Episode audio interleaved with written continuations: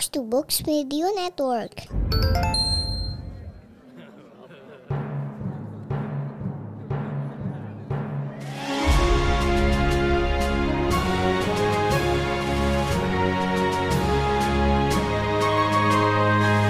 Perhatian, perhatian. Dongeng Paman Geri akan segera dimulai.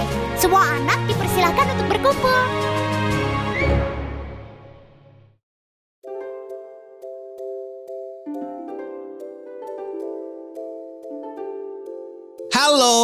Teman-teman ceritaku, Paman Giri sekarang kembali lagi di podcast Dongeng Paman Giri untuk menemani adik-adik di mana saja yang juga jadi anak-anak hebat yang selalu jujur.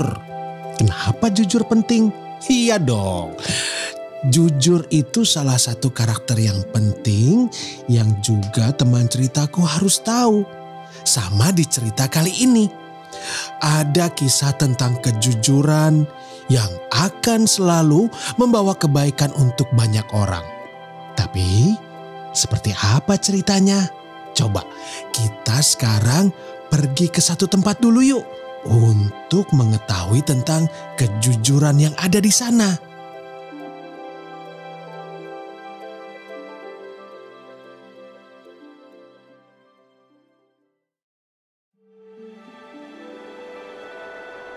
Di sebuah padang rumput yang terhampar luas, pada malam hari yang tidak bertabur bintang, terdengar ada langkah kaki yang berat.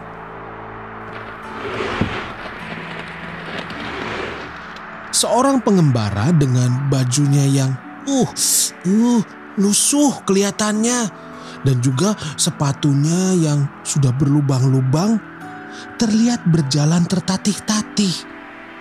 Ia sepertinya sangat lelah dan tidak berdaya.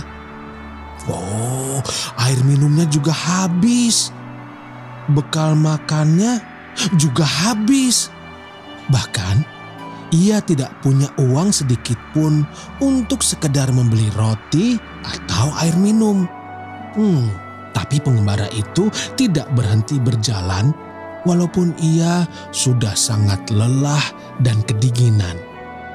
Jalannya sudah terseok-seok.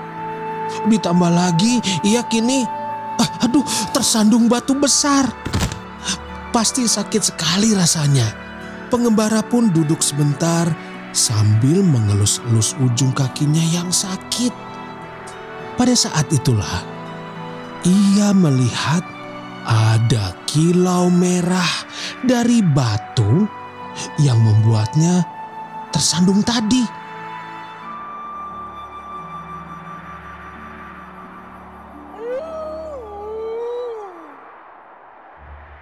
Batu apa ini? Warnanya merah, indah sekali tertimpa cahaya bulan.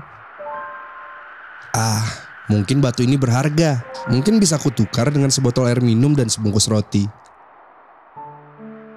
Maka pengembara itu berjalan lagi. Langkah demi langkah, sampai akhirnya ia sampai di depan gerbang istana. Hmm, apa yang akan dia lakukan di sana? Penjaga, penjaga, aku mau menawarkan sesuatu untuk ratu. Aku membawa batu berharga. Ratu pasti suka.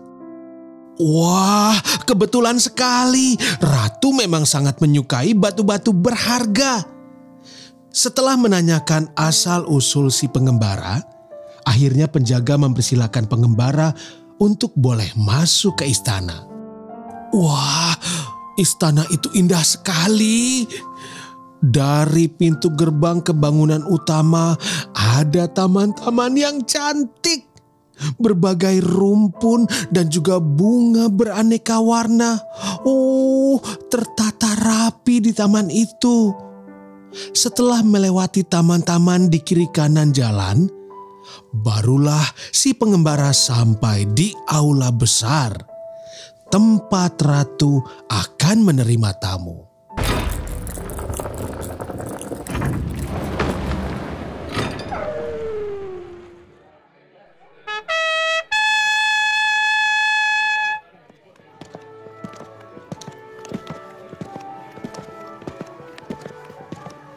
Pengembara, ada apa malam-malam begini kau ingin bertemu dengan ratumu?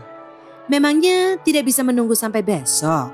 Yang mulia, ma- ma- maafkan hamba. Hamba hanya ingin menawarkan batu berharga ini. Ini, ini batu delima sebesar kepalan tangan manusia. Aku belum pernah melihat yang sebesar ini. Aku harus memilikinya. Tapi, berapa harga yang kau minta pengembara? Maafkan hamba yang mulia. Hamba tidak tahu itu batu apa dan harganya berapa.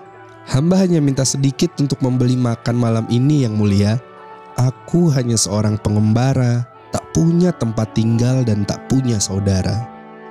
Hmm, pengembara ini jujur sekali. Alangkah malunya aku jika hanya memberinya makan malam untuk malam ini. Kejujuran seperti ini layak dihargai lebih.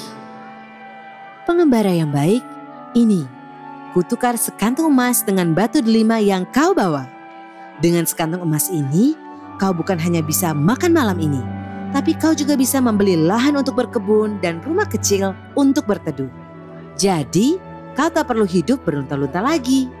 Oh, terima kasih Ratu yang mulia. Terima kasih. Hamba tak bisa membalasnya. Semoga yang mulia diberikan kesehatan dan kebahagiaan selamanya. Pengembara itu pun pulang dengan gembira. Ratu pun senang sekali karena sekarang memiliki batu delima yang indah rupawan. Tapi adik-adik, ada sesuatu yang terjadi saat Ratu sedang mengusap-ngusap batu delima itu. Awalnya muncul asap dari batu itu.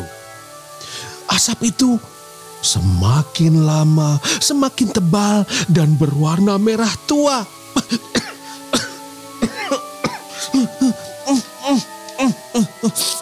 Oh, oh, apa itu? Oh, satu sosok kecil bersayap keluar dari batu delima yang telah terbuka.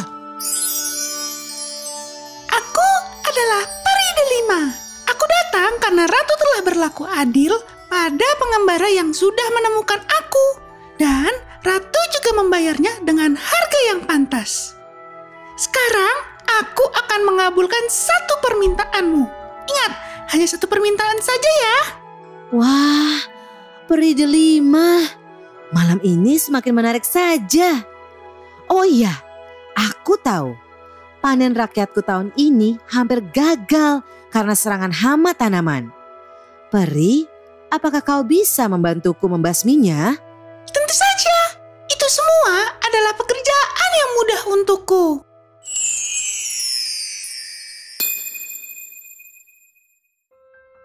Nah, sudah. Panen kali ini bukan saja bebas hama, tapi juga akan menjadi panen paling baik selama bertahun-tahun. Ratu sangat berterima kasih pada peri delima atas apa yang telah dilakukannya. Peri delima pun memuji ratu bijaksana yang tidak mementingkan dirinya sendiri. Kini tiba waktunya bagi peri delima untuk pergi. Ia tidak bisa tinggal lama-lama setelah mengabulkan keinginan seseorang. Ratu pun memberi hormat dan mengantar peri delima sampai keluar aula. Lalu ratu langsung menuju ke peraduan. Malam semakin gelap dan ia pun sudah mengantuk. Ratu duduk sebentar di kasurnya. ia tersenyum dan berpikir tentang kejadian-kejadian ajaib di malam ini. Lalu ia menunduk untuk memasukkan sendalnya ke bawah tempat tidur.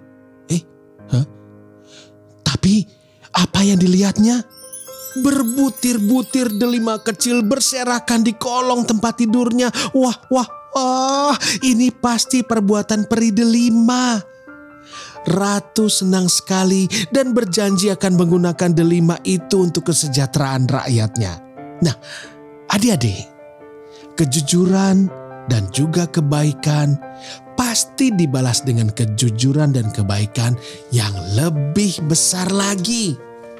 Itulah cerita tentang batu delima ratu kali ini. Ya, dan Paman Giri juga ingin mengingatkan adik-adik teman ceritaku untuk memegang teguh kejujuran pada saat kalian selama ini menjadi anak-anak yang hebat. Sampai ketemu lagi dengan Paman Geri di podcast Dongeng Paman Geri selanjutnya.